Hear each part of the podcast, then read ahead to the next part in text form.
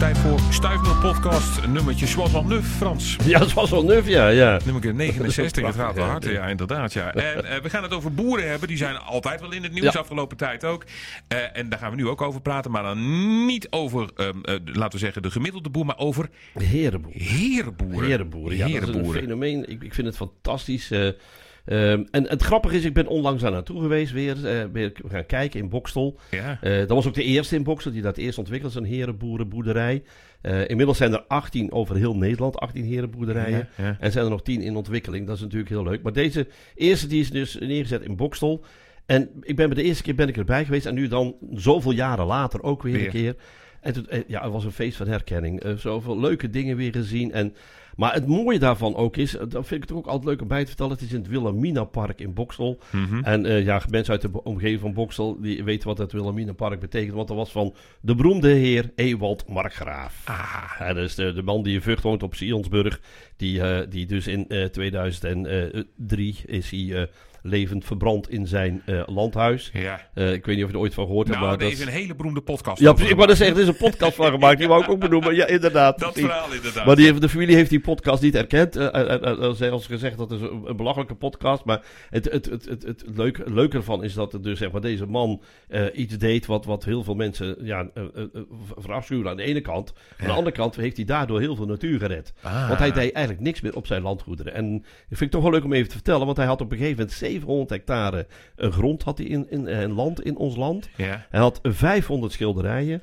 Hij had 160 miljoen in verschillende paradijzen staan. Mhm. En na zijn dood is er geen spoor meer van schilderijen of het geld gevonden. Dus dat is ook Is al heel bijzonder. Toch een heel Gelukkig konden die, verhaal, die, die 700 hectare die kon niet verdwijnen. Want dat Nee. zou dan heel bijzonder zijn geweest. Nou, in Wilhelminapark is er dus eentje van. Mhm. Ehm, nou ja, die podcast heb je zelf al genoemd. eh, van Brand in het Landhuis heet die. die, ja, ja, ja, ja. die. En eh, dan moet je maar eens een keer luisteren als je daar zin in hebt. Maar goed, eerst onze podcast goed afluisteren. Ja, eerst, eerst eventjes. Misschien wel even goed om te vertellen. We gaan het dus over herenboeren Ja. hebben. Is natuurlijk een prachtig voorbeeld. Ja. Maar waar praten we precies over? Nou, precies. het? Wat zijn nou herenboeren? Ja, herenboeren exact. zijn eigenlijk in feite mensen die bij elkaar eh, getrommeld worden op een hele goede manier. En dat zijn dan eigenaar, ondernemer, producent, consument van hun eigen boerderij. En dat zijn dus gewoon mensen die de- deelnemen aan een boerderij, een stuk grond. En ze, meestal per, eh, zeg maar, eh herenboer, herenboerenpark of herenboerlijke omgeving, wat ongeveer meestal uit 20 hectare bestaat, eh, zijn dus zeg maar eh, één of twee echte boeren werken daar dan.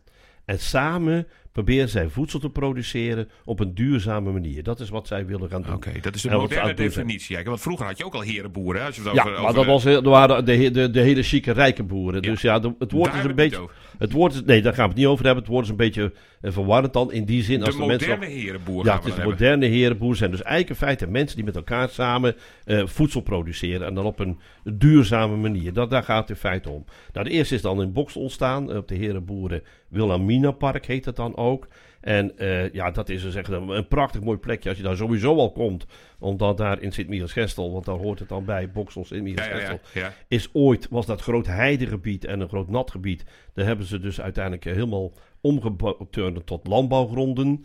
En daar is dus Markgraaf op begonnen. Maar uiteindelijk ja, werd het allemaal veel te veel voor hem en heeft hij alles in de steek gelaten. En dat is dan de periode waardoor dat die natuur daar zich heel mooi heeft kunnen ontwikkelen. Want als je daar bent, magnifiek mooie lanen met bomen. Er staan hele oude lindenbomen. De lanen van Beuken. Nou, het is daar geweldig om sowieso er te zijn. En nou zie je daartussenin allerlei voedsel staan. eh, wat dus die mensen produceren. Nou, ze, ze noemen zich een coöperatieve landbouwontwikkeling.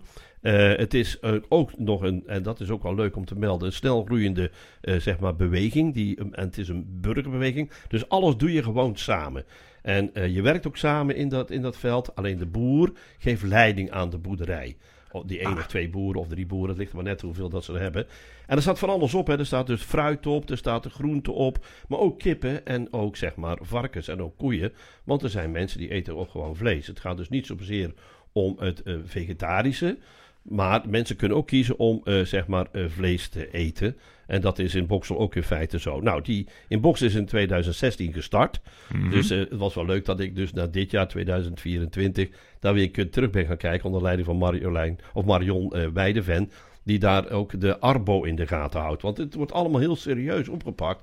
En ook Arbo wordt in de gaten gehouden dat daar niet geen fouten worden gemaakt. En dat de mensen op een fatsoenlijke manier bijvoorbeeld als het over boomzagen gaat, dat ze een, een zaagbroek aan hebben. En Ja. nou ja, noem maar op, alles wat daar weer bij hoort. En als ze op een tak zitten, dat ze aan de goede kant zagen. Ja, ja, precies. Dat Ja. is ook wel heel belangrijk. Ja, ja, dat, en ik hoop dat ze dat niet doen op de tak gaan zitten. Dat ze weer een ladder pakken of zoiets. Maar dat, die voorbeelden zijn te over te, eh, te vinden. Eh, nou, herenboeren zelf ehm, breiden zich steeds verder uit. En ehm, je ziet in feite dat zo'n zo'n ontwikkeling ook steeds meer mensen dat leuk vinden. Ik ben daar wezen kijken. Er was een, de uildeeldag. Hè, want ze verkopen niks. Eh, je kunt er naartoe lopen en zeggen: Ik wil iets kopen. Nee, dat, dat werkt niet. Alles is van iedereen die daar eh, zich voor ingeschreven heeft. Je moet je eigen inschrijven. En dan krijg je zeg maar eh, kans om mee te delen. En op een bepaald moment is het aantal mensen wat meedoet, is ja, de top bereikt. Ja. En dan ja, moet je kijken of je daar op een lijst kunt komen te staan. Waardoor dat je later een keer kunt aanschuiven. Nou, ik vind het een heel belangrijk iets. Omdat juist laten zien dat voedsel produceren ook duurzaam kan. En op een hele goede manier. En zij werken dus zonder chemische bestrijdingsmiddelen. En ze werken dus met de natuur mee. Dus in feite kijken ze waar wat kan. En ze gaan onder zeg maar drie pijlers wordt zo'n herenboerderij opgericht. Dat gaat over natuurgedreven. Dus de natuur staat ook echt mee vooraan. Sociaal verbonden. Dus mensen met elkaar sociaal verbonden zijn. En economisch gedragen. Want ja, het moet ook gewoon Het moet het opbrengen. hè? ja, precies, Ja. wou ik net zeggen. Daar hebben ze dus een, eh, een, een, een zevental uitgangspunten hebben die, eh, gekozen. eh, waardoor, waaronder dat zo'n herenboerderij in elkaar gezet gaat worden. Dat is een coöperatie. Dat is dus altijd het is een coöperatie. Waardering eh, van de minimale arbeid eh, is in de begroting geborgd. Hè. Dus minimale arbeid is in de begroting geborgd. Dat staat ook meteen vastgesteld. Productie is afgestemd op de voedingsbehoeften van de leden. Dus het kan best zijn dat ze hier in, bijvoorbeeld in Bokstel eh, kiezen voor winterpenen. Maar dat ze in, zeg maar ergens anders in West-Brabant kiezen voor bosworteltjes. Hè, bedoel, of iets dergelijks, of een andere Mhm. soort. Of dat ze niet kiezen voor Yorkshire varkens, maar voor Berkshire varkens of iets dergelijks. Hè. Maar wel biologisch, hè, dat, dat dan weer wel. Producten worden niet verkocht, ik net al zei. Er, wordt niks verkocht aan huis. Eh, je kunt er wel gaan kijken om te zien van, nou, ik, vind het wel eens interessant om te zien. En een rondleiding krijg je er ook, hè, want het is mooi hoe dat ze dan werken. Ze laten ook alle mensen zien wat ze aan het doen zijn en wat ze, wat ze op aan het zetten zijn. Ook dat ze aan het proberen zijn weer iets nieuws te ontwikkelen. Hè, want ik zag daar ook bijvoorbeeld, hebben de varkens heel erg ingezet om eh, dus lastige grassen, hè, zoals kweek en pijn, zoals ze ook wel zien Ja, in Brabant, om die weg te krijgen. Dat doen die varkens, hè, die graven dat helemaal uit, die vreet dat helemaal op. En dan heb je dus weer een land vrij om daar weer goede producten op te zetten. Dat is ook wat ze doen. Eh financiering enkel door inleggeld en contributie. Dus je moet wel, als je lid wordt, moet je hebben inleggeld en er is een contributie wat Mhm. jaarlijks vastgesteld wordt. Eh natuurgedreven productie, dus het moet wel passen binnen het beleid van eh, zeg maar die omgeving. Hè. Je kunt moeilijk eh, zeg maar allerlei vreemde soorten daar neer gaan zetten. Dat doen zij dus niet. Ze pakken wel zeg maar natuurgedreven producten. En actief onderdeel zijn van eh, een lerend en expediërend werk. Hè. Dus je, je bent zelf constant aanwezig om alles ook te leren en opnieuw aan te pakken. Dus je bent als een groep jezelf aan het ontwikkelen. Nu is het natuurlijk wel zo, er zijn al 18 eh, van die herenboeren eh coöperaties. Ja. Eh, dat betekent dus ook zo heel veel uitwisselen met elkaar. Hè? Dat ze ook wel zeggen van, goh, we hebben dit experiment hebben aangepakt.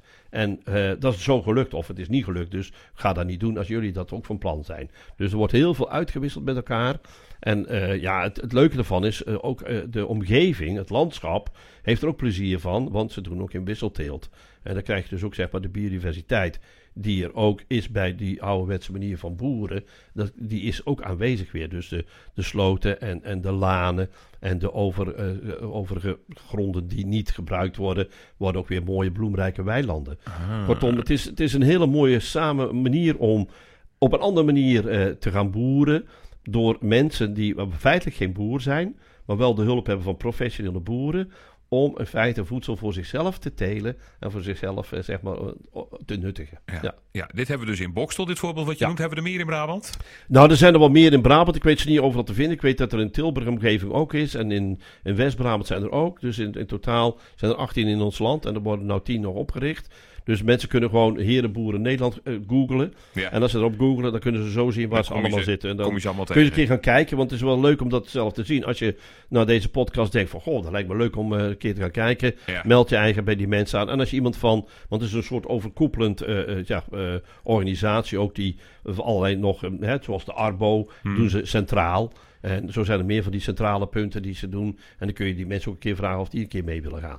Ja, dus zo kun je licht daar een keertje opsteken. Is, Ja, precies. Is, is het iets, is iets voor jou om er daartussen te gaan? eh? Nou, ik zal je vertellen, toen ze begonnen ben ik daar geweest om te kijken of ik daar iets mee kan gaan doen. Maar ja, weet je wat lastig voor mij is? Ik heb zoveel andere dingen te ja, doen. dat is ik, waar, ja. hè? ik, ik, ik kom niet aan toe om daar ook een Ja, je keer... moet daar wel, te, wel zijn. eh, Ja, dus, je eh, moet, nee, want dat is wel zo. Als je dus zeg maar inderdaad eh, daarvoor tekent, dan ga je dus ook echt in, in ik geloof dat, dat, dat, dat kiezen ze ook weer allemaal zelf. Maar ik geloof dat zaterdag de dag is waar iedereen aanwezig is. Mm. Waar ze dus inderdaad gaan werken, eh, waar ze bezig zijn op. En ah, je kunt door de week ook wel wat eh, dingen gaan doen en eh, afspraken worden erover gemaakt. Maar je moet dus wel degelijk iets gaan doen. Want als je lid bent en je doet niks, dan word je er waarschijnlijk heel snel eruit gegooid. Ja, en dat vind ik ook wel terecht ook, want er is, er is nog heel veel te doen natuurlijk. En het leuke ervan is dat ze ook de professionals in handen nemen. Hè? Dus echte professionele boeren die hun helpen om op een goede manier het, het, ja, het, boerderijgevoel en de coöperatie een goede weg te geven.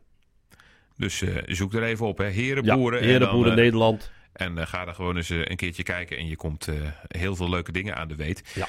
Je, je kunt natuurlijk ook ergens in een, mooi in de natuur gaan wandelen. En dat is misschien ook wel leuk om dat nog eventjes te vertellen, Frans. Want we hebben nog niet zo lang geleden nog een keer een hele mooie wandeling gemaakt. Ja. Dat hebben wij gedaan in de omgeving van de Rustende Jager bij Biezenmortel. Een beetje Ja. op de rand van de Loons en Drunense Duinen. Precies. Wij hadden een pak sneeuw. Ja, dat was wel mooi. Hè? Dat was oh, wel dat was wel mooi. heel mooi. Als je die wandeling nog even wil meemaken, dan kun je even naar Potwalks met Frans Kapteins gaan. Dat is ook namelijk een podcast die wij eh, elke maand verschijnt er eentje online. En dan kun je die hele wandeling met de sneeuw erbij eh, in, eh, in je oortjes kun je die, kun je die maken. Ja, de, de sneeuw kunnen wij nu niet beloven, want ja, misschien valt die nog deze nee, winter, dat, maar, nee.